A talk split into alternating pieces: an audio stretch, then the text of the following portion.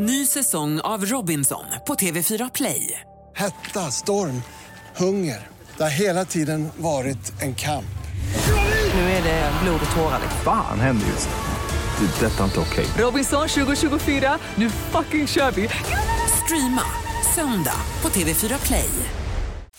Hej, jag heter Gry Forssell och du lyssnar inte på radiostationen Mix Megapol. I alla fall inte just nu, för du ska ju precis höra ett nytt avsnitt av Mord mot mord. Men först vill ju vi säga hej. Hej, hej, det här är NyhetsJonas. Det här är Carolina Widerström. Och här är Gullige Dansken. Ja, och så Gry då, då. Det vi vill säga är att när du har lyssnat klart på den här podden, då får du gärna lyssna på våran. Vi spelar in ett nytt avsnitt varje morgon av våra podd Kvartsamtal. Och hela radioprogrammet blir ju också en podd om man är väldigt morgontrött eller så. Just det, om man missar morgonen ja. Men mest av allt så får du gärna lyssna på programmet i direktsändning varje morgon på Mix Megapol. Live varje morgon från klockan sex och då har vi med oss massor med vänner också. Thomas Bodström, Babben Larsson, Johan Pettersson, Christian Luuk. Massor med coola människor som bara dyker upp och gör livet bättre. Ja, som jag, Gullige Dansken. Exakt så. Och så mycket bra musik och annat skoj såklart. Så vi hörs när du vaknar på Mix Megapol. Podplay.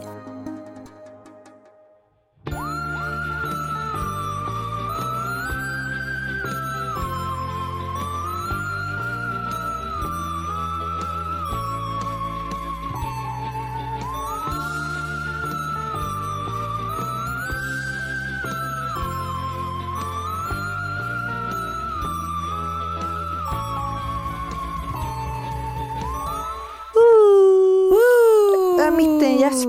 Nu är jag redo. Ja, okej, jag trodde att det var liksom ett Ja, sånt ett- woo ett girl-ljud. Nej, men det kan jag göra nu. Woo!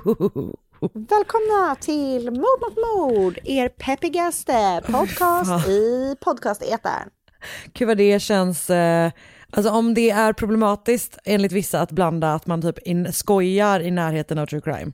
Vad Ja. tror du folk kommer tycka då nu när vi är den peppigaste true crime-podden i. Eh, nej, det känns inte så bra. Just när folk inte trodde att de kunde hata vårt babbel mer. Verkligen. Nu är Then det vi. all just happened. Japp, nu är det liksom ny, nya peppiga mord mot mord. Verkligen. Nej, nej. Jag orkar inte det.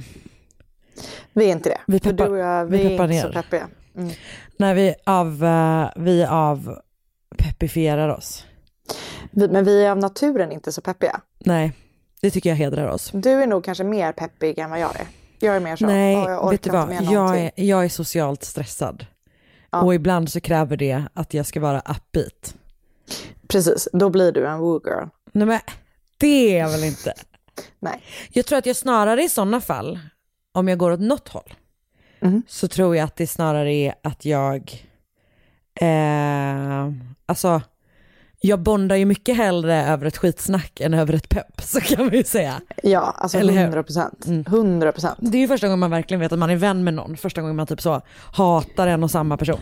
Men det är också så himla läskigt när man gör det första gången. För det är typ att man bara, Ja, man- nu ska man jag säga blottad. någonting. Och man har ingen aning om hur den andra personen kommer att reagera. Så bara, det värsta som finns när man gör det, det är när någon bara, aha, tycker du? Nej, det tror jag vet inte om jag håller med om. Och man bara, nu måste du bara, bara försvinna härifrån. Ja, alltså just det, då vill man ju gå till den personen och liksom snacka skit om den här personen. Jag tänkte precis säga det, för nu, precis. För nu om man gör en mest. sån grej, då vet man att då är man näst upp på listan. Fast vet du vilka jag hatar mest? De som Nej. är typ så här, alltså som liksom vänder sig mot skitsnack som grej. Förstår du vad jag menar? Att man är typ så här, alltså jag skulle aldrig säga någonting jag inte kan säga till hennes ansikte. Man bara okej, men då är du sinnessjuk om du vill säga de här sakerna till hennes ansikte. Ja, eller typ så här, jag vill, inte, jag vill inte prata om folk som inte är här. Man bara va? Hur, när ska vi då prata om dem? När de är här? Nej, Nej, det blir ingenting Det- med det. alla måste bara get with the program. Verkligen. Ja, men vad fan. Ibland så, ibland så behövs det saker. ibland behövs det saker. Det är mitt... Man, eh, men man behöver ju faktiskt lufta lite ibland. Det behöver man verkligen och det är faktiskt helt fine. Och vet du vad, vissa människor är också så fucking jävla störiga. Alltså Det är verkligen. inte mitt fel. Nej, Nej, det är faktiskt inte mitt fel heller. Nej det är det, det är faktiskt deras verkligen inte. egna jävla fel. Ja, skärp dig. Vem snackade vi skit om när vi började säga det här? Nej, ja, ja det, var, det var om folk snackade skit om oss. Nej, just det, precis. Jag, jag, nu minns jag. Jag, bara- jag har ingen aning, jag har tappat alla trådar. Ja.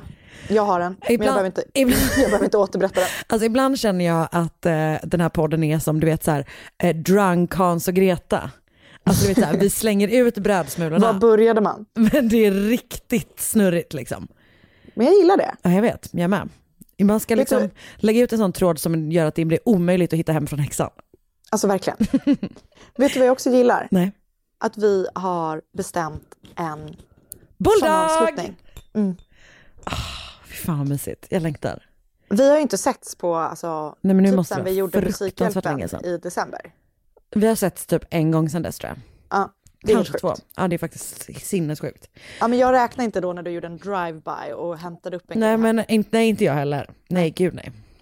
Nej det Eh. måste vara minst en timme för att det ska räknas. Exakt. Mm. Så nu är jag väldigt glad att vi har bokat in en corona-anpassad sommaravslutning. Alltså det är ett roligt att du, alltså du, du låter liksom som en myndighet när du pratar om Ja, det. En men det är för att jag ser oss lite som en myndighet. sommaravslutning. Mm. Ja, nej det ska bli så jävla mysigt. Vi ska spela boll. Vi, ska, vi som får dricka alkohol får dricka lite alkohol. Ja, gud ja, absolut. Du För- jag så kastade mig in i SMHI-appen och bara undrar om det kommer fint väder. Men det är lite för långt kvar för att se det. Just det, men när, kanske när vi släpper det här, då börjar det bli Då dags. kan vi nog se. Mm. Då börjar det bli verkligen dags. Då är det Eh, bäst. det ska bli så mysigt. Ja, det ska bli så jävla jävla mysigt. Det längtar jag till. Våran fina sommaravslutning. Det blir härligt. Kanske Ja, att man ska äta något gott. det kommer man att göra. Bra. Eh, blir man hungrig nu. kanske kommer stretcha upp bullarmen lite. Alltså vet du vad, av någon anledning så var jag inne på din Facebook-sida eh, häromdagen. Ja, kul. Och alltså, du ser ut som en, bland dina utvalda bilderna, Mhm. så ser du ut som en riktig bollfantast. Eftersom, Men vadå bland mina? Okej, jag är verkligen en eh, boomer. Vadå bland mina utvalda bilder? Okej, men du kanske inte har valt det, det kanske bara är de som är dina Ja, senaste för- bilder. Jag tror inte, nej precis, jag har inte valt Ja, den. nej, men för jag skulle Jag är säga att själv nu och tittar. det är liksom så, eh, fyra av sex bilder är bull typ. Ja, jag ser. Från Kul. lite olika tillfällen också. Men det är väldigt intressant att eh, på en av bilderna, alltså jag kan inte riktigt förstå att jag hade pilotglasögon. Det här är inte ens så länge sedan. för jag passar verkligen inte i det. Men det är ju för att du vill vara nära dina bästa vänner piloterna. Alltså det är väl det. Jag kan inte hitta någon annan anledning, för snygg var jag inte. Nej, alltså jag säger, nu vill jag vara tydlig med att jag sa inte nej till att du inte var snygg, men det jag försökte tänka var så här, för det här är kanske vadå, fyra år sedan? Fem år sedan? Fem faktiskt. Ja. Var det, men det måste ju varit att det var en, det var en pilotglasögon. Jag tror typ inte ens att det var en trend just då faktiskt. Det kanske blev Eh, efter att jag du tror hade satt jag, den. jag tror alltid jag drömt om att ha ett par och så köpte jag ett par och jag kommer ihåg, för jag köpte dem när jag var på Mallorca med min mamma och min mormor och min mormor sa att jag såg ledsen ut och då bestämde jag mig ännu mer för att köpa dem. Ja, det var bra. Vänta, såg du ledsen ut i dem? Alltså hon tycker man får liksom sån ledsen blick. Ah, och då kände du, watch this grandma. Verkligen. Who's sad now? Verkligen. Now you're a sad person.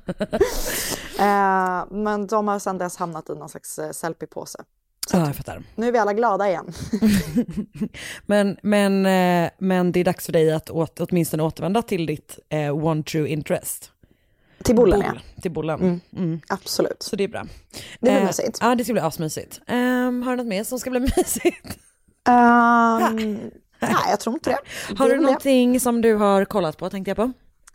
Du, alltså jag är ju, är ju eh, 3000 år sent på bollen. Men vi har precis börjat titta på Tunna blå linjen här hemma.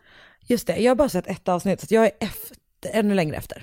Ah, Okej, Mm. ändå bra för mig. För jag känner mig, så, jag känner mig verkligen gammal. Ehm, men den är ju ehm, jättebra. Ja, det är så. Jag kan Alltså, inte, ja, det jag- är något jag kan inte. Nej, men alltså, jag, brukar ju ha, jag brukar ha ganska svårt för svenska filmer och serier. Mm. För att jag tycker att det alltid är så sjukt krystad dialog. Ja. Men jag tycker verkligen alltså att den är bra. Hmm. Eh, och jag tycker att eh, jag grät. Jag har gråtit i varje avsnitt typ. Alltså den är så hemsk men så himla bra. Så det är nummer ett. Ja. Eh, så om man inte har sett den, eller om man är som du och jag lite sen på bollen, eh, så tycker jag att man faktiskt kan se den. För den är SVT, verkligen sevärd. SVT Play. Och så har vi också börjat titta på eh, Snabba Cash. Ah, just det, På re, rebooten. Exakt. Mycket Evin. Ahmad för dig. Verkligen. Mm. Den är väldigt bra, Men här tycker jag inte att dialogen är Lika bra. lika stark.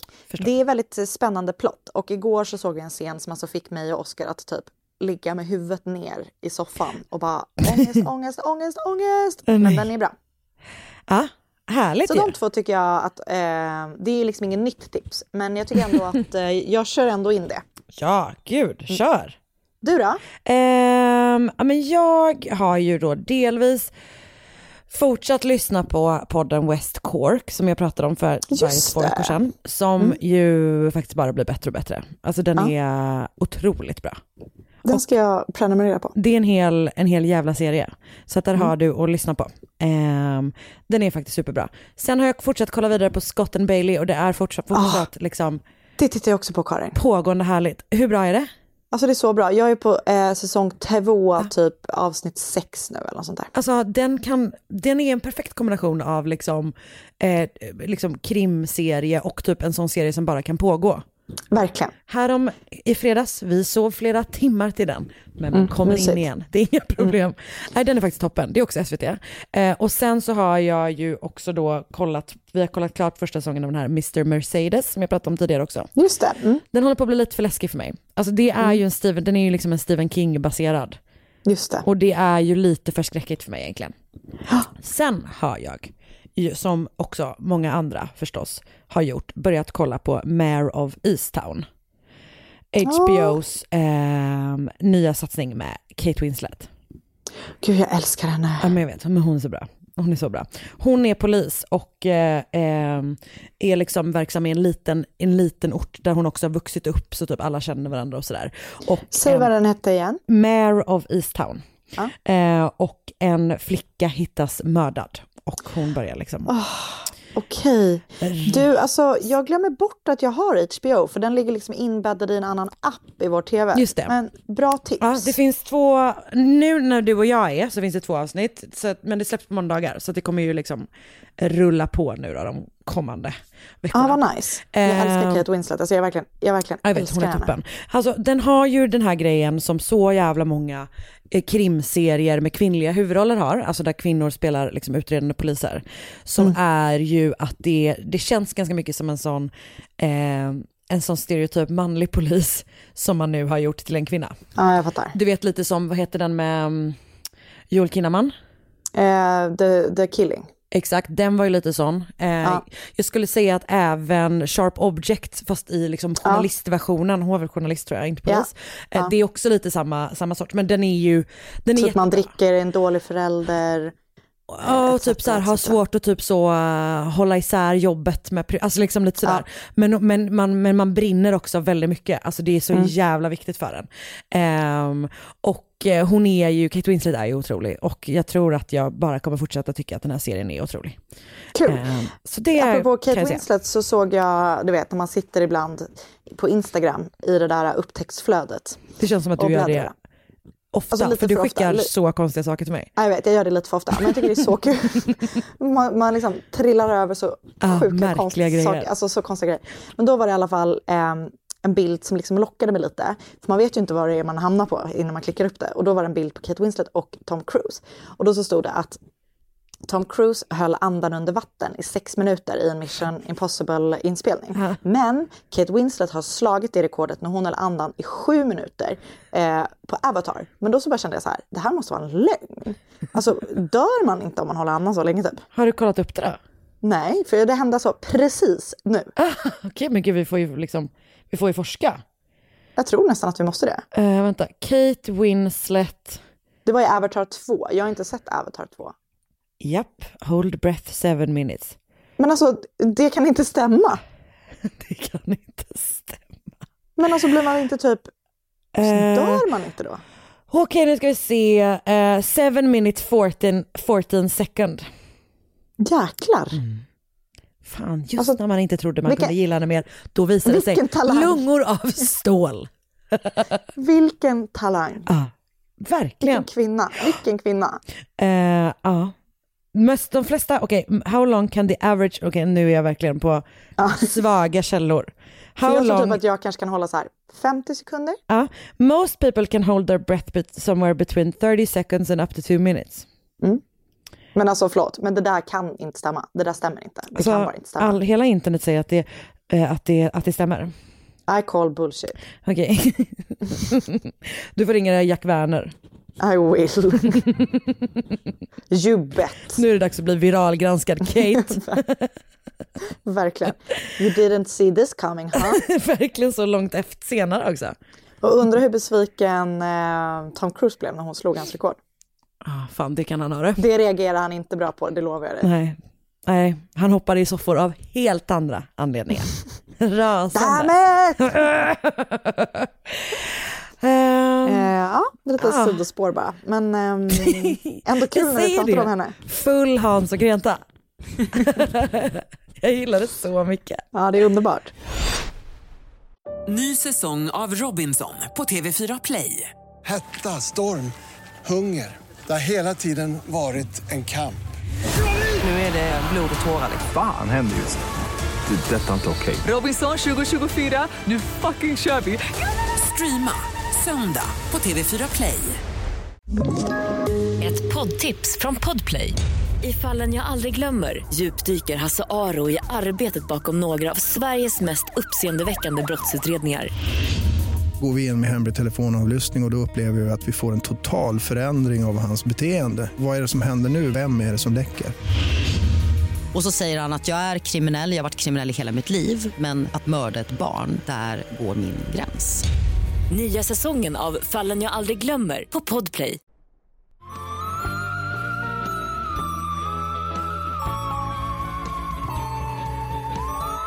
Då vill jag bara säga nu att dagens fall är eh, jättesorgligt. Mm. Eh, och det är det ju ofta. Men det är liksom vissa, vissa saker eh, rör vid den. Vill du säga på vilket sätt det är sorgligt? Om det är någon som är liksom, ehm, om man har specifika triggers? Eh, nej men alltså det, det känns som det, det handlar om en ungdom, så att det är liksom inte barn på det sättet, men det, handlar, det känns så um, orättvist på något vis. Ja. Så om man är känslig för orättvisor. eh, Tråkigt när man men bara, jag- nej det är inte jag. nej men jag kan inte riktigt sätta fingret Nej på jag vad det är. fattar. Men det, är- jag tänker så Eh, som men jag det, med mig det. för sist du, som du sa det här, är Mm. var ju ehm, när du gjorde det här fallet med Joe Arridy. Yes. Och det var ju, alltså fruktansvärt sorgligt. Ja. Och jag såg typ att andra hade skrivit i vår Facebookgrupp att de typ grät för första gången.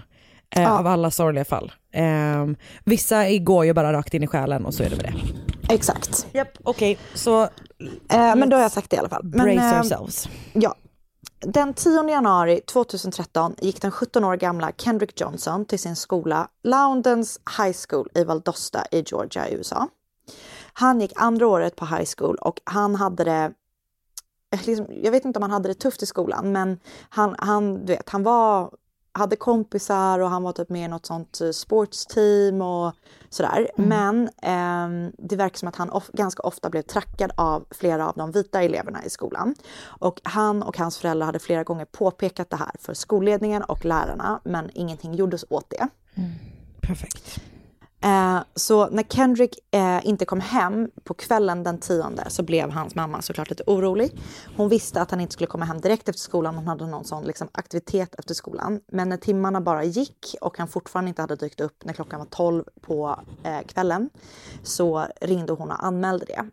Eh, och dagen efter när han fortfarande inte hade hört av sig eller dykt upp så gick hon till skolan för att se om han liksom hade kommit dit. För polisen, du vet, var så när hon ringde för att anmäla var typ så här. Nej, men han är bara tonåring, han är säkert hos en kompis och glömt att höra av sig. Du vet den. Så då tänkte hon att om han bara har varit hemma hos en kompis så borde han vara i skolan nu. Så hon går dit och då när hon är där så du vet hon går till något sånt eh, liksom typ lärarrummet eller vet counselors office, alltså du vet som Mm. de har i så amerikanska filmer typ. Och eh, när hon kommer dit så får hon höra att han inte har varit på de sista lektionerna dagen innan och när hon är där så får rektorn tror jag ett samtal och då händer något hemskt som kommer förändra hela Kendricks mamma Jackies liv, eller Mm. hela familjens liv såklart. För några av eleverna har då eh, gjort en otroligt hemsk och sor- sorglig upptäckt i gympasalen. För skolan har två gympasaler, liksom the old gym och typ the new gym. Och i den gamla gympasalen, som är väldigt liten, har några av eleverna som ska ha gympa sett något sticka upp ur du vet, en sån ihoprullad matta som man hade på gympan. Eh, och det står liksom ett gäng sådana lite tunnare mattor. Du vet, det fanns ju både Mm. såna jättetjocka och sen lite tunna. Står Tjockmatta liksom och tunnmatta. Hette de så? Till och med. Jag vet inte. Tjockmatta hette det i alla fall kommer jag ihåg. Jag tror också det. Och då luktade det alltid så himla illa när man skulle välta ner dem från väggen. Ja, japp. Ja. Eh, men det står liksom ett gäng sådana hop- hoprullade eh, mattor i ett hörn. Ja. Och några av eleverna har sett liksom något sticka upp lite eh, ur eh, en av mattorna. Vid första anblick så ser det liksom ut som att någon typ har du vet, gjort så att det ska se ut som att det sticker upp två fötter ur det. Typ. Men när de går fram så ser de då att det är två vita tubsocker. Alltså två fötter med vita tubsocker på. Så de tror typ först att vet, det är någon som skojar så de försöker så här, eh, du vet, hallå vill du ha hjälp, är allting okej? Och så får de då ingen respons och då förstår de såklart att det är något som inte står rätt till. Så det, det verkar som att det är en lärare som typ, alltså för den här mattan verkar stå liksom i, inte längst ut utan att den står liksom lite inne Mm. bland de andra mattorna. Eh, så det verkar som att typ gympaläraren du vet, så här, försöker rodda om lite men eftersom de inte får någon kontakt så typ rullar de inte upp mattan förrän polisen kommer. Alltså du vet, de låter typ det vara verkar det som tills polisen kommer till platsen. Så när polisen väl har kommit dit så hittar man då i den här ihoprullade mattan Kendrick Johnson och han är då inte vid liv när han hittas. Polisen som kallats till platsen spärrar inte av utan de kommer istället ganska snabbt fram till att det verkar vara en tragisk olycka som eh, har inträffat. Och trots att sjukpersonalen som kommer dit tycker att de ska spärra av och liksom bara så här, det här tror vi liksom är en crime, eller du vet, det är någonting suspekt. Vi tycker vi ska spärra av och kolla närmre. Eh, så struntar polisen helt enkelt i det. För deras teori formas ganska snabbt och de menar då att Kendrick har dött när han då självmant har klättrat ner efter sin sko som av någon anledning då ligger i mattan. När han väl har klättrat ner så kommer han sen inte upp och sen har han då avlidit av något som rättsläkaren sedan kommer fram till är en så kallad positionell kvävning. Vilket då innebär att en person har hamnat i ett sånt läge med kroppen som har förhindrat henne att andas normalt och då som följd till slut kvävts. Åh fy fan. Den här dödsorsaken däremot verkar liksom, den är väldigt speciell för det, det finns inga bevis som liksom pekar på att det är det här som har hänt egentligen utan det verkar vara det som man drar till med, eller vad man ska säga. Ja. När allt, du vet, man kan utesluta allt annat och man inte vet vad personen typ har dött av så är det typ att man bara, ja men det är positionell kvävning. Och det finns typ studier utförda i typ, no, jag kommer inte ihåg exakt, men det, det är jätte, jätte ovanligt. Mm. Alltså du vet, det finns typ väldigt få fall. Och då är det mera, ja, det, så det, det, är en konstig dödsorsak enkelt. Men flera elever berättar att det fanns elever i skolan som förvarade skor och typ andra gympasaker i den här gympasalen eftersom det kostade att ha ett skåp på skolan och alla ville då inte betala för det. Och det var typ också så här, det var smidigt att typ bara hämta upp det där och du vet det var både typ att man hade skor där och du vet vissa hade typ, alltså vet, det verkar som att man förvarade saker där om man inte hade ett skåp. Mm. Det var också då en kille som eh, Kendrick typ gick samma klass som, som berättade att han och Kendrick delade på ett par gympaskor som de brukade förvara vid mattorna. Okej. Så polisen tycker då att det stärker deras teori. Så Lieutenant Stride Jones i Lowndes County, som blev ansvarig för fallet, meddelar då att det är en olycka och inget mer med det. Han säger “We never had credible information that indicated this was anything other than an accident”.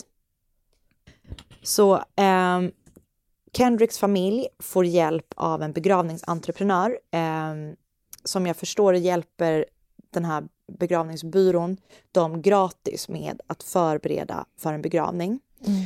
Eh, och efter att han har varit där så får Kendricks mamma och pappa se sin avlidne son en sista gång. Och det är då som de bara, nej men det här är, det kan inte ha varit så här det går till. De köper liksom inte den här förklaringen till deras sons död. Mm. Ehm, så de ligger på och liksom bara så här, vi måste kolla närmare på det här. Det kan inte stämma, vår son skulle inte ha gjort det här. Liksom. Men alla avfärdar det eh, med att det visst var en olycka. Så allt är liksom konstigt kring det. Ja. Ehm, och för att typ lägga press på det här så publicerar eh, Kendricks familj en bild på deras avlidne son ehm, på internet. För att de vill liksom väcka Uppmärksamhet. uppmärksamhet, kring det Ja. här och bara snälla hjälp oss typ. Alltså den jävla, den känslan just. Total Alltså, maktlöshet. Ja, att, i, att man liksom bara pratar om det värsta som har hänt en och Mm. hur det inte går rätt till och ingen lyssnar. Liksom. Nej. Ehm, och den här bilden, det, det, det är nog en av anledningarna till att jag typ inte kan släppa det. För jag, vill, jag tycker inte om att se sånt och sen så dök den bara upp. Ja. Ehm, det är så sorgligt. Alltså den är så, det är verkligen hemskt. Ja. Ehm, och 2013 meddelar då den federala åklagaren i Georgia att de ska granska Kendrick Johnsons dödsfall igen. Familjen får då rätt att ta upp Kendricks kropp och i juni 2013 så anlitar familjen en privat rättsläkare som ska undersöka hans kropp igen. Ja. Den rättsläkaren säger då att det finns skador på Kendricks kropp som indikerar att han har fått ett slag med något trubbigt på huvudet, av sid- eh, på huvudet och sidan av överkroppen. Det pekar då på att det alltså inte alls var någon olycka utan att det faktiskt är någon som har orsakat Kendricks död. Familjen går då ut med att de är säkra på att deras son har blivit mördad och så anlitar de en advokat. Det kommer också fram att alla, då när de liksom ska börja undersöka det närmare, så kommer det fram att alla Kendricks inre organ är borta. Hos begravningsentreprenören har Kendricks kropp fyllts med tidningspapper, vilket i sig in, tydligen inte är något konstigt. Det finns en teknik, om än en väldigt gammal teknik som inte verkar användas så ofta eh, längre, men som man då har använt sig av i det här fallet. Ehm, Okej. Så det verkar liksom inte vara något anmärkningsvärt egentligen kring att den är fylld med tidningspapper. Ehm, men det som är eh, anmärkningsvärt är då att organen inte finns kvar någonstans. Och ingen vet när de försvann och hur. Vad För enligt papper fan? så... Mm, för enligt papper då som begravningsentreprenören har skrivit under så står det då att de har mottagit allting som tillhör Kendrick, alltså hela hans kropp och även hans kläder och tillhörigheter. Ja. Men de menar då att de aldrig har tagit emot det här. Alltså typ att de bara så här, vi skrev bara på, men vi har liksom aldrig haft det. Vi har inte gjort någonting. Och det. när man säger alltså, haft det så menar man alltså att hans organ var liksom ute ur kroppen redan när Ja, han kom dit liksom. Det är inte, Precis. Ja, mm, okej. eh, säger då de. Ja. Och de menar då, eller de tror att åklagaren har varit så här, men de behöver inte sparas eftersom att det inte var, ansågs vara någonting annat än en olycka. Och att då de ska ha blivit, eh, att de har liksom har gjort sig av med dem på det sättet som man då brukar göra. I samband med rätts, liksom- den rättsmedicinska undersökningen typ. Exakt. Ja, jag fattar. Mm. Och, och det är liksom inget konstigt i sig med det, men eh, förstår jag, liksom, när det inte verkar vara något misstänkt fall bakom. Men ehm, jag vet inte exakt vad som har hänt, Nej. men det gör ju då att man i alla fall inte kan undersöka liksom, hans organ och hans kropp. Liksom, det, det blir inte fullständigt Nej. för den nya rättsläkaren. Eh, Kendricks familj hävdar också att det sättet som han hittades på i mattan inte stämmer. Liksom, det är någonting konstigt med det. För när de hittar honom så är mattans öppning bara 36 centimeter. Och Kendricks axlar mäter drygt 48 centimeter tvärs över. Just, han borde Så inte de kunna men- trillat ner liksom. Nej, de menar då att det är orim- omöjligt att han då ska ha kunnat kommit ner i mattan på egen hand. Å andra sidan så hade han ena handen upp när han hittades och andra handen ner. Så de som menar då att det är en olycka hävdar då att han har gjort sig liten, du vet som typ när man dyker och drar ihop axlarna. Så att, att han visst kan ha kommit ner på det sättet. Det som jag tycker är märkligt är att han har sina hörlurar i sin hand som han har liksom neråt kroppen. Om Just det, så att, så att samma hand som han borde ha försökt få tag på sina skor med har han sina hörlurar i. Nej, tvärtom. Tvärtom, okej. Men det är ändå konstigt tänker jag att man liksom hoppar ner i Ja. en sån här matta och typ håller någonting i handen. Ja, verkligen. Eh, så det är, all, det är väldigt oklart allting. Och en annan konstig sak är då att under honom ligger då en sko och det är antagligen då den som man har sträckt sig efter. Och den ligger ovanpå en liten pöl av blod. Men själva skon har då inget blod på sig. Så att om man tänker då att han när han har hängt upp och ner till slut att det typ har kommit blod ur ansiktet på något vis. Så borde det ju då ha kommit på skon. Såklart. Men här är det då en blodfläck och sen en sko som inte har en endaste blodfläck på sig. Mm. Det får då eh, familjen och deras, liksom, de som står bakom dem att tänka att så här, det här är en arrangerad brottsplats. Och även de skorna han haft på sig den dagen ligger konstigt inne i mattan. För man tänker då att om man har hoppat ner med skor på fötterna och typ sparkat av sig dem så borde ju de ligga högst upp. Ja. Men de ligger liksom mer inbäddade i mattan. Typ bakom hans ben. Alltså vet, de ligger helt konstigt. Mm. Det som också är konstigt då är att det hittas blod i gympasalen. Det är typ lite blod strykt ut på en vägg och så finns det på tjejernas toa. Men inget av de här blod, inget blod eh, matchar Kendrick. Eh, men det görs heller inga vidare analyser för att se vem blodet tillhör. Perfekt. Utan man är typ bara så här, det är någon tjej som typ har skadat sig i samband med typ en cheerleading-övning. De bara, det är nog hennes blod på tjejtoan och sådär. Ja. Men man testade aldrig för att verkligen kunna så här, ja, det här var så det var. Eh, en annan otroligt störig grej är att ingenting som egentligen ska ses som bevismaterial har sparats. Typ den här skon som hittades nedanför honom eller en munktröja som var då också i gympasalen som liksom de inte visste vem den tillhörde och så här. Det här Mm. blodet som de har hittat, ingenting har sparats. För att det behandlades inte som en, liksom en brottsplats från början. Nej, Nej. så att de är bara så här, ja nej tyvärr det finns liksom ingenting kvar. Okej. Till slut får familjen också ta del av övervakningsmaterial som fanns från skolan och från den dagen. Eh, det har tagit lång tid och de har behövt liksom en så eh, rätts, eh, en court order för Mm. att få ut det. Eh, eh, och, och skolan kunde inte släppa materialet bara för att det var bilder då på olika barn, alltså du vet så. Så det, det, var, det behövde gå igenom massa lagliga instanser för att de till slut skulle kunna få det. Ehm, och det verkar som att det egentligen inte ens är familjen som har begärt ut det, utan det kan ha varit CNN. Alltså vet, det, det är så här många olika som har velat ta del av det här. Till slut så får de i alla fall ta del av materialet. Och då får de över 290 timmar av övervakningsmaterial från området kring gympasalen den dagen Kendrick försvann eh, och sen hittades. Det som är lite märkligt med det här övervakningsmaterialet är att det saknas timmar från olika banden. Polisen har inte hämtat materialet själv utan de har bett skolan ge dem det material som de tycker sig verkar vara viktigt. Vad fan. Mm. Däremot så visar det sig att de här kamerorna är rörelsestyrda. Så det kanske inte är konstigt att det saknas material. För att ibland så har det ju liksom inte gått folk framför kamerorna och Just då det. har de inte filmat. Så det är liksom, ja, det går att se det här helt enkelt Just det, som är ur väldigt, ja, många ur väldigt olika Ja. perspektiv.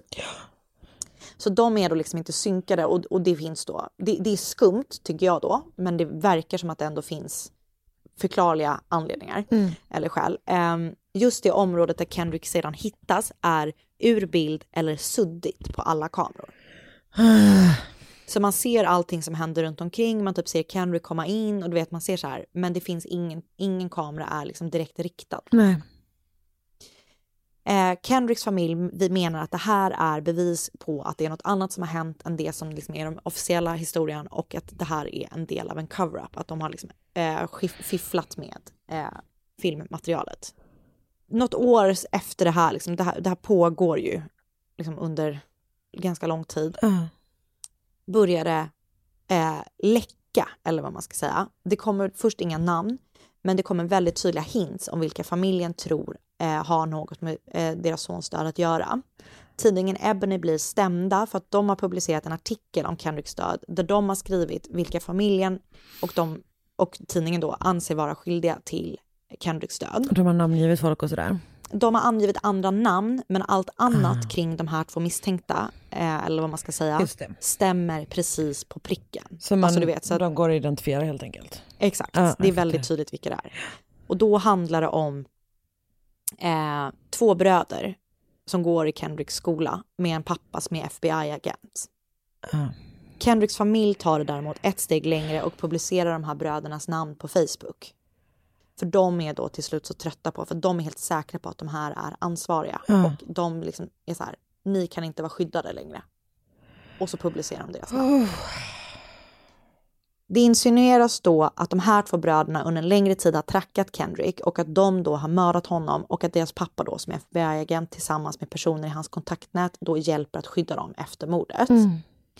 Bröderna menar att de inte har någonting med Kendricks dödsfall att göra. Och eh, det verkar som att de inte ens har haft möjlighet att göra det. Så att allting är lite så här tvetydigt och allting är tvetydigt liksom kring deras stories också. Eh, det finns en övervakningsfilm på den ena brorsan när han är på en helt annan plats i skolan än den tidpunkt då man tror att det här hemska, oavsett vad det var, hände Kendrick. Mm. Det är också svårt att veta för man vet ju när han såg sista gången men man vet inte exakt när han har avlidit.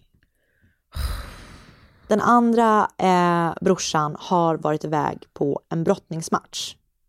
Eh, och där är det också massa så här tjafs runt när han ska åka iväg. För du vet, vissa papper säger att de åkte klockan 12 Mm. och då skulle han inte kunnat ha någonting med att göra.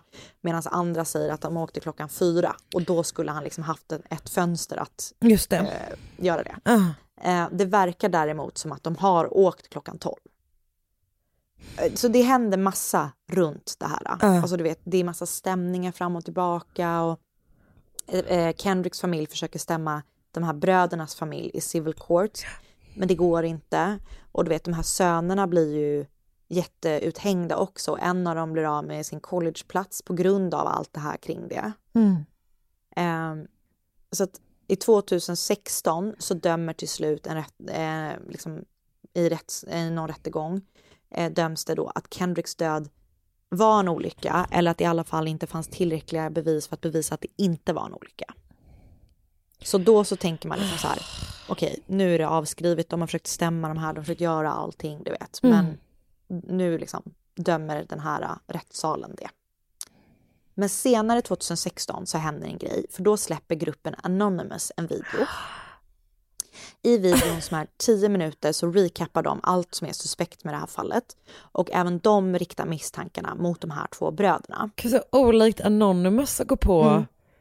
Okej. Jo, men de säger att det här är en del av en cover-up och de vill då bidra till att avslöja den systematiska rasismen som är så sjukt starkt närvarande i Lowndes County. Ja. Så det, ja, det är väl någonting med det här som de... Ja, nej men jag fattar. Ja. Eh, och så avslut, det, det är ganska, jag tycker alltid det är så störigt att titta på de här klippen men jag, en, man blir ändå, när de pratar så här. Och med den De är så jävla dramatiska. Alltså verkligen. Japp. Och så avslutar de filmen med Lowndes County, you should have expected us. Wow. Dagga, dagga, dagg. Ja. Det här klippet rör ju upp fallet igen kan man säga. Men hittar de, alltså presenterar de något nytt eller är det liksom en Nej. recap av fallet typ? Det är typ en recap av fallet. Ja. I 2018 begär familjen en tredje obduktion av Kendrick och även den här visar då att det inte är en olycka, att han har fått ett slag mot huvudet och mot överkroppen och samtidigt då som eh, den här tredje obduktionen visar det så lämnar familjen, alltså Kendrick Johnsons familj också in en affidavit, alltså sån där eh, skriftlig Just det. eh, till, som är från ett vittne till polisen. Det är typ en skriftlig redogörelse eller? Exakt, ja. För liksom ett händelseförlopp typ. Precis. Mm. Och i den här så berättar det här vittnet att en bekant till hen har bekänt att hen har mördat Kendrick genom att slå honom med en vikt eller en hantel i gympasalen. Okej. I mars 2021 händer något ytterligare, för då bestämmer sheriff, sh- sheriff, sheriffen i Lowndes County att han har fått in nytt bevismaterial i fallet Kendrick Johnson. Det nya bevismaterialet är en ljudinspelning där ett potentiellt erkännande från en person som ska ha mördat Kendrick. Nej. Ljudinspelningen har köpts av Kendricks föräldrar av någon som har kontaktat dem och sagt att de har viktigt bevismaterial och familjen har sedan lämnat det här vidare då till eh, Sheriff Department eller vad det heter. Okej. Den senaste informationen jag kan hitta är från i mars och det är då att sheriffen och hans gäng just nu arbetar för att fastställa om bandet är äkta och att det inte är någon typ av bluff. Alltså mars i år? I år. Så vi är där just nu. Och jag vet ingenting mer än det här. Men du visste ju jättemycket. Och Ja, fram tills men jag typ vill nu. veta mer. Ja, jag vill veta mer. Så förhoppningsvis så är det här ett legit inspelning. Och att för det inte för att det var hemskt för familjen om det inte är det. Och fan vad man har så mycket sån skit. Ja. Alltså folk som spelar på brottsoffer, anhöriga till brottsoffers. Men jag Ah, fy hoppas att Anonymous sitter och jobbar på kammaren och snart kommer med något riktigt avslöjande. We are... ja, äh, jävlar. Alltså hur... Det här... Jag- gud. det, det finns liksom väldigt, många, väldigt mycket information om alla stämningar och alla turer Ja. kring det här fallet. Eh, och ehm, man vet ju då verkligen inte eh, vem det är som har gjort det. Och om det inte är de här bröderna så känns det ju, alltså, på, alltså jag vet inte, och det är så hemskt allting och så är det så hemskt att det är så här, de, känner, de blir så orättvist behandlade för alla är bara så här, hade det varit en vit familj som blev utsatta för det här så hade det inte varit så här. Nej. Nej, nej. Ehm, och det är, ehm, och så är det ju. Eh, och det är så jävla vidrigt. Så jag hoppas verkligen att Kendricks familj får ehm, ett avslut på den här fruktansvärda historien. Och det är också det som är så jävla fuckat i USA, att det liksom krävs, alltså det, så är det ju i Sverige med, för att vi har ju också massa liksom, eh, strukturer och sådär, men just det här att liksom rättssystemet är så beroende av att du har pengar, att du kan, Ja. att du kan betala för en privat rättsläkare ska gå in, att du har råd med, alltså så här, Ja. att det liksom är, att det är en sån jävla förutsättning för att du ens Mm. ska kunna få, få någon, någon, något, någon liksom, Ja hjälp utöver då att du uppenbarligen ska verka i typ i ett rasistiskt system eh, som Mm. en svart familj liksom. Och det är, Och så det är också, ja men det är så sorgligt. sjukt sorgligt. Och så är det också, de har haft så massa advokater som liksom har jobbat pro bono för dem, Mm. men som sen då du vet har sagt upp sig för att du vet det blir för mycket, tu- alltså du vet, de Mm. har verkligen haft, ja, de har haft det jävligt tufft helt enkelt, hans stackars familj. Ja, den är jätte, det är jätte, en jättehemsk historia. Och som sagt, eh, de, familjen har ju själva då lagt ut bilder från Mm. Brottsplatsen och på Kendrick efter att han har avlidit och sådär. Och det är ju för att de vill, de vill ju skapa eh, liksom uppmärksamhet kring det. Men det är verkligen, eh, man kan inte få det osett. Nej. Nej fy fan vad sorgligt. Ja, det är så jäkla sorgligt fall. Oh. Eh, och jag har lyssnat på Crime Junkie Podcast. Avsnittet heter Mysterious Death of Kendrick Johnson. Eh, jag har också lyssnat på Generation Y. Och så har jag läst ett gäng olika artiklar på Fox.com och CNN.com och vi länkar dem i Facebookgruppen och sen såklart Wikipedia. Tack Anna, det där var jätte, jättesorgligt. Tack Karin. Ny säsong av Robinson på TV4 Play. Hetta, storm, hunger. Det har hela tiden varit en kamp. Nu är det blod och tårar. Fan händer just nu. Det. Detta är inte okej. Robinson 2024, nu fucking kör vi! Streama söndag på TV4 Play. Ett poddtips från Podplay. I podden Något Kaiko garanterar östgötarna Brutti och jag, Davva, dig en stor dos skratt. Där följer jag pladask för köttätandet igen. Man är lite som en jävla vampyr. Man har fått lite blodsmak och då måste man ha mer. Udda spaningar, fängslande anekdoter och en och annan arg rant.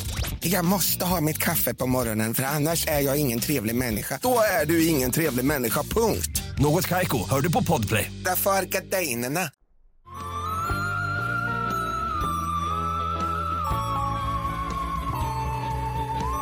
Mitt fall är ganska annorlunda mot ditt kan man säga.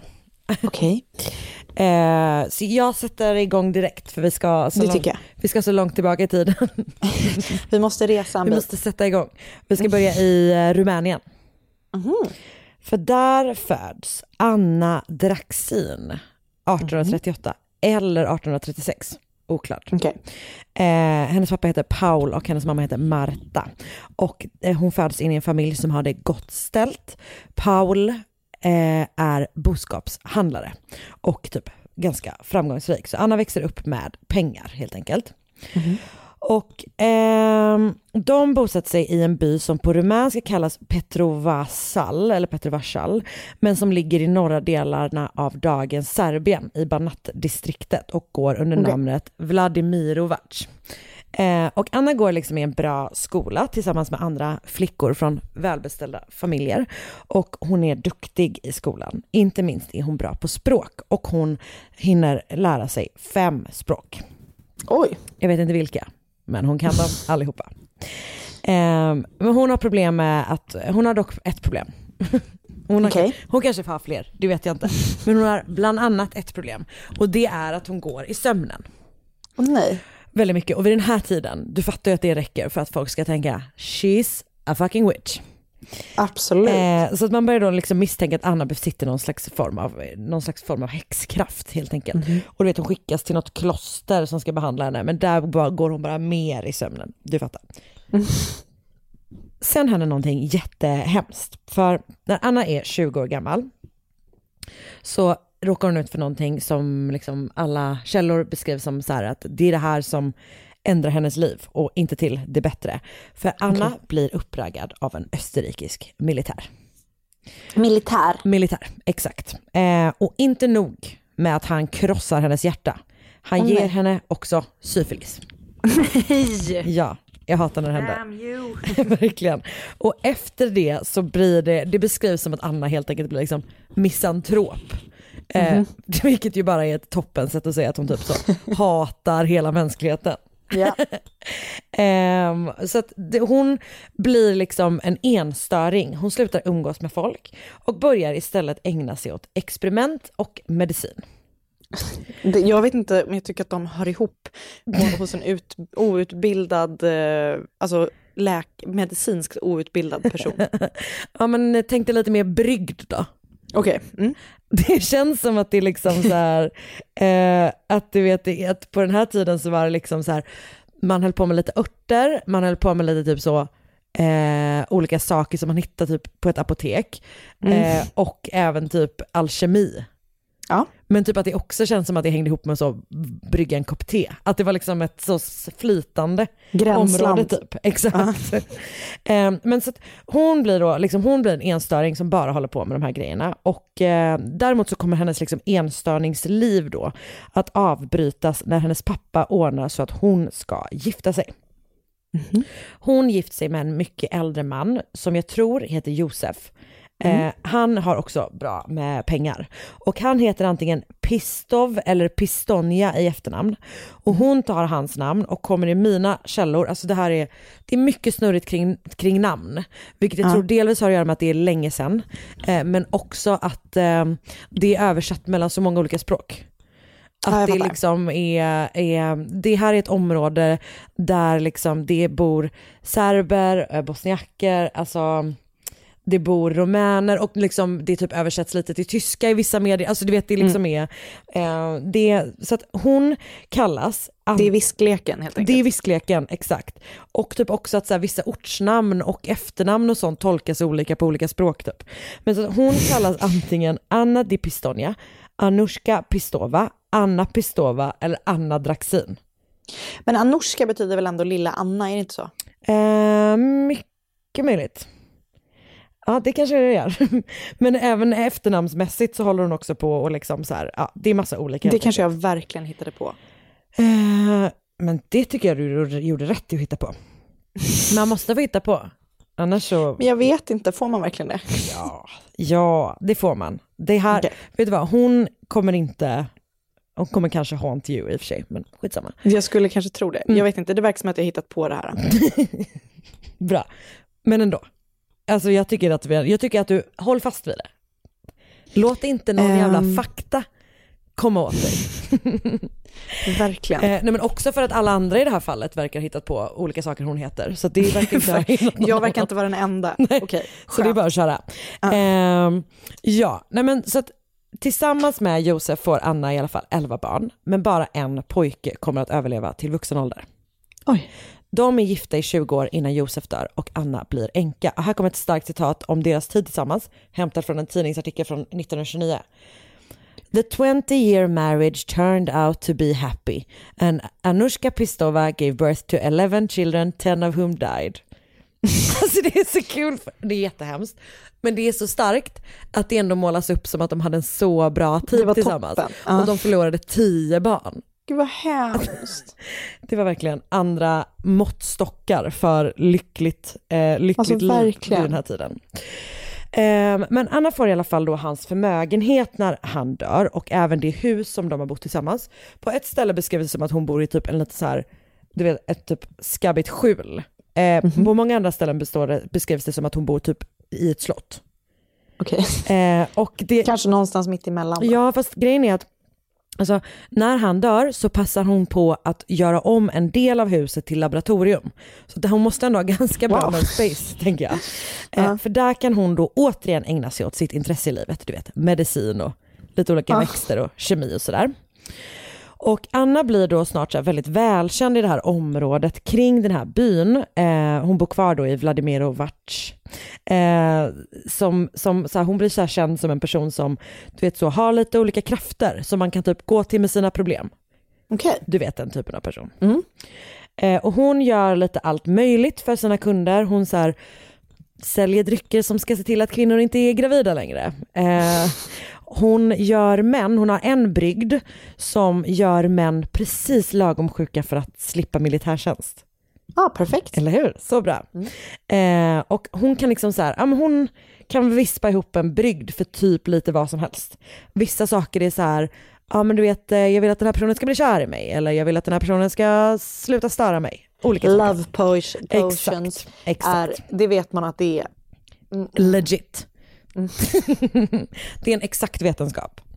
Eh, och ryktet om Anna, eller som, som börjar kallas för Baba Anushka, eller även häxan från Vladimirovac, eh, sprider sig och snart börjar folk resa från andra delar av liksom, landet och från typ Belgrad och sådär, eh, för att få hjälp av henne. Och hon blir en extremt populär och väldigt omtyckt person. Och dessutom, och hon verkar vara lite av en entreprenör faktiskt, alltså hon börjar liksom erbjuda, när folk då kommer till henne för att ta del av hennes råd och, och, och, och potions och sådär, så börjar hon erbjuda liksom eh, boende och eh, mat och Aha. sådär. Så det blir lite som en så häx, bed and breakfast. Ja, exakt. Eh, så, det känns, så hon börjar liksom tjäna pengar där med, helt enkelt. Hon bygger upp ett litet imperium. Hon är entreprenör. Hon är entreprenör. Och hon är också enempre- entreprenör som liksom känner till, hon är lite som eh, Stordalen på det sättet. Hon vet vikten av att ställa till med show. Ja. Eh, hon är liksom väldigt teatral när hon blandar ihop sina brygder och drycker. Eh, och man kan liksom då få vara med när hon gör det. Så här, så här, du vet, hon bär liksom så svarta klänningar och sjalar och sådär. Hon plingar i någon klocka som hon säger har kontakt med djävulen typ. Eldar olika saker, du vet viftar med örter. Eh, och typ så här påkallar sina krafter. Alltså hon liksom håller på, vilket då beskrivs som, som att det är en del av hennes liksom performance mer än att det är någonting som hon tror på krävs för att hon ska lyckas med det här. Ja, jag fattar. Ehm, och Anna hjälper då också till med familjeproblem. Som otrohet, du vet kvinnor som känner sig så bortglömda av sina män, män som är liksom våldsamma mot kvinnor. Eh, Mm. Och hon har också medhjälpare som hjälper henne. Eh, så de vandrar liksom runt i olika byar i det här området och typ hittar familjer och kvinnor framförallt som skulle kunna tänkas behöva Annas hjälp. Eh, så att det är så här... Gud de- vad, på, alltså, vad, liksom, vad påträngande. Ja, ja, alltså mörkt när någon knackar, knackar på dörren här. Hej, det verkar som att du behöver ge lite hjälp. Det verkar som att du behöver en love potion. Nej, nej, nej, nej. Eh, nej men det verkar då som att de här personerna gör liksom. Och sen så kanske de tar med sig lite, de är som dammsugarförsäljare, försäljare fast liksom för, för trolldom typ. Ehm, så att då, ja men de liksom erbjuder då Annas lösningar och en lösning är ju att döda dem, den, den som man har problem med. Ja. Och den Enkelt. lösningen kommer då bli Annas specialitet. Okej. Hon börjar sälja långsamt verkande giftdrycker. Nej. Ehm, och när en ny kund då kommer till Anna och berättar om sina problem så är en av hennes första frågor, hur stort är det här problemet? Det låter ju ganska oskyldigt. Men det hon egentligen frågar är, hur mycket väger din gubbe? Ja, ja, ja. ja. Så att hon ska liksom kunna blanda ihop en dryck som då eh, liksom är precis lagom stark. Vad är hennes potion, of, nej, poison of choice? Arsenik. Arsenik. Ja, det känns som att de gillade det på den här tiden. Mm.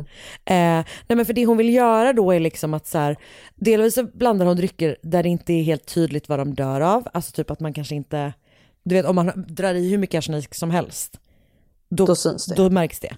Eh, men hon vill också då att det ska ta ganska lång tid innan de avlider. Just det, så det inte blir så uppenbart. Nej, så att hon gör typ så här, du vet att folk typ dör kanske så sju dagar senare.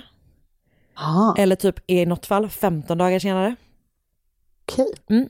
Ehm, så att då blandar hon liksom ihop och när hon, så fort hon mycket vet, vet hur mycket de väger så kan hon blanda ihop en lagom stark eh, giftdryck. Liksom. Gud vad intressant. De flesta som mördas av Annas gift är unga, friska män. Inte sällan från ganska välbärgade familjer som även ibland eh, lämnar efter hyfsade arv kan man säga. Okej. Och allt eftersom åren går så börjar fler och fler då fundera på vad fan det är som händer i Vladimirovac. Varför det liksom aldrig är en sån sinande, en aldrig sinande ström av unga män som dör av oförklarliga orsaker. Men det känns så hemskt att det är så många som vill att ens man ska dö. Ja, ja, ja nej verkligen. Det verkar inte vara några betänkligheter kring det faktiskt. Det, ibland är det kvinnor, men det är absolut eh, framför allt män som mördas. Liksom. Eh, och första gången som Baba Anushka ställs inför rätta för att kanske haft någonting med liksom, ett dödsfall att göra är 1914. Eh, och då anklagas hon för att ha varit den som har bistått liksom, med giftet i ett giftmord på en ung man, som jag inte vet vad han heter. Och, för det finns ingen mer information om det fallet, men det jag vet är att hon liksom frikänns så att hon inte, det händer ingenting med henne. Men Nej, då, okej. det är första gången hon anklagas i alla fall. Ehm, när Anna Pistova, eller Baba Anushka, faktiskt ställs inför rätta och döms för första gången är hon över 90 år gammal. Och man misstänker att hon har varit aktiv i åtminstone 40 år. Shit. Och det gör ju henne till en av de seriemördarna som har liksom varit aktiva längst upp i åldrarna och också en av de äldsta att typ dömas och ställas inför rätta. Gud. Men eh, så låt oss här, gå in på vad det är som blir hennes eh, gamla, gamla fall. Eh, alltså, vilken konstigt, konstigt formulerad mening. Du förstår vad jag menar. Hon var Jag gammal när hon föll. Eh, så 1900, det är liksom några olika som verkar spela in typ. Så, och det är lite oklart vilken ordning de händer. Men 1924 så säljer Anna i alla fall en magisk brygd till en kvinna som antingen heter Stana eller Sofia Momirov. Okej. Och hon är en återkommande kund som har köpt lite olika grejer genom åren. Men den här vill, gången vill hon då bli av med sin man, eh, Lazar Lodorsky Momirov. Och ehm, hon köper då ett gift av Anna och Anna och ger honom den här brygden liksom och han dör efter några dagar. Stana, eller Sofia, vi kallar henne för Stana nu, eh, Mm. hon gifter om sig bara en vecka efter begravningen. Ja. Vem har tid med sorg? Alltså det är inte alls misstänksamt. Eh, och sen går det bara några månader och sen dör en väldigt rik farbror eller morbror till hennes nya man. Och det gör att hans tillgångar och land tillfaller liksom hennes nya man och Stana. Okej. Och snart inser då polisen att så fan, det här händelseförloppet och typ hur han dör är väldigt likt hur eh, Lazar har dött bara några månader tidigare. Mm. Så snart misstänker man då Stana för båda morden och hon erkänner vad hon har gjort, alltså hon erkänner båda två. Men inte nog med det, hon berättar också att Anna är den som har gett henne giftet. hon som drar med henne i fallet. Ja, verkligen.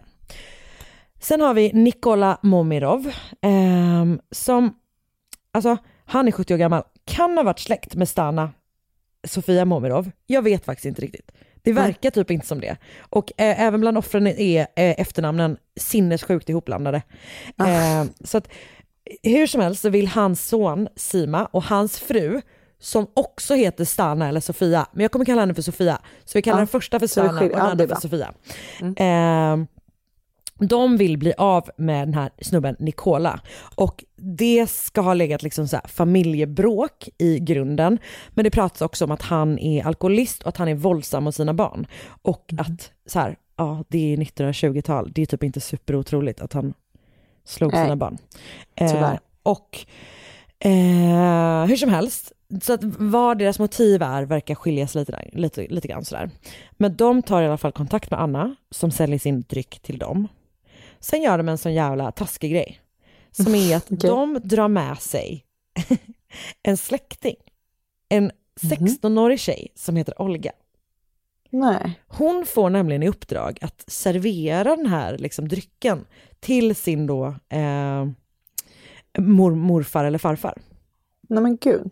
Eh, så det är, jag tror att det är ett av Simas syskonbarn som de bara, du, vi tänker att du kanske ger honom det här typ. Eh, och jag vet inte om hon är medveten, eller det är lite oklart om hon är medveten om vad det är hon faktiskt ger honom. Men Okej. hur som helst så serverar hon i alla fall den här drycken och eh, 15 dagar senare så dör då Nicola. Tredje fallet är den rika och eh, liksom framgångsrika Gaia Marinkov som också kan ha hetat Gaia Prokin. Och någon i hans närhet, någon som tjänade på att han dog, ska ha förgiftat honom med en brygd blandad, inte av Anna själv, utan av en av, en av hennes medhjälpare, Jubina Mhm. Milankov. Så hennes jobb var alltså typ att då gå runt i byarna och leta business som sagt och ta med sig kunderna tillbaka. Men den här brygden verkar det som att hon är den som har blandat. Och det verkar som att hon inte är lika, riktigt lika bra som Anna är. Undrar hur många hon liksom övertalade som inte hade en tanke på det där och sen när, hon, när de träffade henne så bara Ja, ja nej men det låter ju, det låter ju ganska soft. Eh, ja, nej men verkligen. Men jag undrar också hur många eh, medhjälpare hon hade. Som bara drog runt och liksom jagade business. Och vad, vad, what, what's, what's in it for them? Men pengar antagligen eller? Ja, det måste väl vara det. Eller kanske typ att hon var så skitbra på att också blanda ihop en jättegod Margarita. häxa. Ehm, Det kan ingen. Alltså Det- inte ens vilka, med vilka krafter du än liksom har. Exakt, inte ens en riktig häxa kan blanda ihop Nej. en god häxa. Tyvärr alltså. Verkligen sant. Ehm, men, men i alla fall så, han så här, de köper av henne och den ska ha varit typ lite svagare än vad Annas brygd brukar, vara. Och det gör att den här snubben Gaia då hinner gå till doktorn eh, för att han mår dåligt. Innan han ett par dagar senare dör. Okej. Och det gör då att så här, läkaren blir liksom misstänksam när han går bort, men det blir också en av hans söner. Och sonen får då höra att hans pappa kanske hade druckit någonting från Baba Anushka. Så han går till henne och är så här, hallå, jo men du jag är lite inne på att köpa ett gift som kan döda någon. Eh, har Ah, du okej. något eh, väldigt bra gift som kan typ ta död på en frisk man? Och Anna bara, ja om det funkade på Gaia Marinkov ska det nog funka på den du vill ha död på också. Jäklar vad sly. Så så bra häxkrafter kan hon inte ha haft eftersom hon uppenbarligen inte liksom visste om att, Nej. alltså det var hans son. Nej. Så polisen börjar gräva upp några av dem man misstänker då att eh, hon kan ha dödat eller liksom som kan ha sålt. Det är ju typ medhjälp, alltså hon, det är ju deras familjemedlemmar ofta då som liksom eh, ger dem giftet men hon säljer Exakt. giftet till dem typ. Ja. Och snart hittar man liksom fler och fler offer. Och eh, man inser då att alla de jag har nämnt här ovan, plus bland annat borgmästaren i en närliggande stad, du vet ett gäng framgångsrika handlare och militärer, alla har dött av arsenik. Va? Och det blir då dags att gripa Baba Anushka. Så att polisen skickar dit en stackars oerfaren ung polis för att hämta upp henne. Nej, han dricker gift bara för att hon övertalar honom. Nej, tyvärr inte. Det hade varit en ännu konstigare situation. Nej, men hon skrämmer iväg honom genom att prata så himla mycket om sin starka relation till djävulen. Okej. Så hon bara, mm, absolut, du kan gripa mig men då kommer djävulen gripa dig. Ändå bra. Och dessutom så är hon också så himla himla populär. Eh, så att man är liksom orolig att det ska bli upplopp. Du vet det klassiska, scenen i Skönheten och odjuret. Ja. Så tänker man att det kommer bli Nu ska om man griper henne mitt på dagen. Fast liksom tvärtom typ. Nu ska hon inte dö. Ehm, fast, fast liksom, ja. Så om man, om man tar henne mitt på dagen. Så det slutar med att man typ skickar ett gäng poliser hem till Baba Anushka mitt i natten och griper henne och tar henne därifrån. Gud.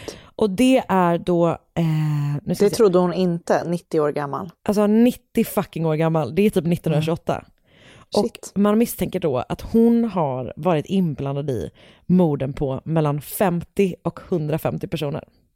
Oh. Hon har kört på. Det får man verkligen säga. Ja. Som jag förstår det så åtalas hon bara för två mord. På Lashar Ludoshki Momirov och Nikola Mamirov. Eh, men man väljer också, alltså man funderar också på att åtala henne för ytterligare sex mord. Och i rättegången är Anna, hör och häpna, helt jävla tokig. Bland annat när, när em, hon Stana då vittnar, eh, som ju är Lazars fru, eh, vittnar om att så, ah, nej, men jag köpte ju det här giftet av Anna och jag gav det till min man och sen dog han typ. Eh, då ställer sig typ Anna upp och skriker bara du är en lögnaktig orm typ. Du är en hora. Alltså verkligen så här. Hon bara, hon, hon, hon har det som en egen show helt enkelt. Jag hade inte förväntat mig något annat av Nej, henne. eller hur? Nej, men hon kör. Och vid andra tillfällen så spelar hon liksom helt förvirrad. Så hon, hon bara, jag minns absolut, gud jag har ingen aning, vad pratar ni om? Ja, jag sålde ju en fotsalva till Stana en gång, är det det ni syftar på? typ så. Men min favoritgrej som hon gör är att hon ibland bara låtsas att hon är döv. Nej men gud. Så att hon sätter du vet, så handen bakom örat som, ett, liksom, som en liten tratt typ. Jävlar vilket, eh, vilket härskarbeteende. Jag vet. Och så hon, är, så här, hon är typ 92 år gammal, det hade typ varit rimligt om hon bara var döv. Du, Jag ska börja göra det hemma. men du är inte 92 och ingen kommer tro Nej, dig. men, nej, men det är det jag menar, att det är sånt sjukt härskarbeteende. När Oskar säger någonting som jag inte vill höra så bara låtsas Bara, jag att jag är ledsen, jag är djupt döv. Jag ser att det rör sig på dina läppar men jag hör inte vad du säger. Ja men hon är typ, alltså, det finns liksom citat från den här rättegången där hon bara jag hör så dåligt, typ. jag hör inte vad ni säger. Det verkar som att jag har blivit döv. Ändå, ändå så här, man kan väl testa allt när man vet att det är så, liksom, så kört. Ja, alltså verkligen. Men också en annan sak som jag gillar, gillar med henne ändå är att hon är tydligen eh, väldigt liksom fåfäng, vilket jag tycker ändå är Mm, det har något, det typ har att hon något. alltid har Ja. så här lagt hår och typ läppstift på sig under hela rättegångstiden. Eh, men hur som helst, det hjälper inte. Eh, utan Anna Pistova, eller Baba Anushka, döms vid 92 års ålder till 15 års fängelse. Och samtidigt döms då Stana, båda Stana eller Sofia, eh, Sima och också den här stackars 16-åriga Olga. Nej, kunde de inte släppt henne jag vet. Eh, och jag tror att åtminstone Sima och Stana döms till livstidsfängelse, tror jag. Och Anna sitter eh, åtta år i fängelse, vilket ändå är, alltså hon är 92, så hon, sitter, hon kommer ut när hon är 100. Men gud. Och hon dör antingen 100 eller 104 år gammal, tillbaka i sitt gamla hem i Vladimirovac. Eh, Sjukt. det är ändå, alltså jag tycker ändå att det är starkt att de över, alltså hon släpptes ju för sin liksom gamla ålder uppenbarligen. Mm. För sin höga ålder. Eh, men det är ändå starkt att hon liksom, att de, de, de behöll henne ändå så pass länge och jag läste någonstans att hon dömdes till straffarbete. Nej. Vilket, jag vet inte liksom riktigt vad man ska, jag ska visa en bild på henne, hon ser fan ut exakt så som du tänker att hon ser ut. Gud vad roligt. Ehm, och jag har då läst två samlingar tidningsartiklar från alltså den här tiden liksom, eh, som var väldigt hjälpsamma. De är samlats på unknownmissionary.blogspot.com. Jag har läst en artikel på adevarul.ro som är en rumänsk sida och den Ja. är skriven av Stefan Booth. Sen har jag skrivit, läst en artikel på bosniska på novosti.rs utan namngiven journalist. En artikel på historyofyesterday.com av Saras samt förstås Wikipedia. Bra, tack Karin. Eh, det var lite annorlunda än ditt. Det var ganska annorlunda. Eller hur? Det måste man ändå säga. Det måste man faktiskt säga. Eh, jag kände att det, jag ville ha, du vet ju vad jag känner för en så, jag tror att det hänger i mig lite grann sen jag, hon tvålmakerskan. Mm. Att det gör något med mig med en sån bild på en gammal gumma som är sådär sträng och så jävla modisk typ. Det, är- det är något väldigt speciellt. Det är håller med. verkligen det. Det är verkligen det. Eh, Eh, tack för ja. det. Men tack själv och tack för den här veckan. Tack för den här veckan. Gud, bra jobbat. vad, ska vi skicka med eh, gruppen? Eh, vad ska Eh, vi skicka med? Ladda ner Podplay-appen. Just det. Lyssna på onsdagar i Podplay-appen. Det är gratis att göra ett konto. Det är superenkelt. Skicka in historier eh, mm, till oss. På Mord. Mm. Önska fall Instagram, gå med i Facebookgruppen. Ja, ja det är det. That's it. Ja. Tack för den veckan. Hej! Ny säsong av Robinson på TV4 Play. Hetta, storm, hunger. Det har hela tiden varit en kamp. Nu är det blod och tårar. Fan händer just nu. Det. är Detta är inte okej. Robinson 2024, nu fucking kör vi! Streama söndag på TV4 Play.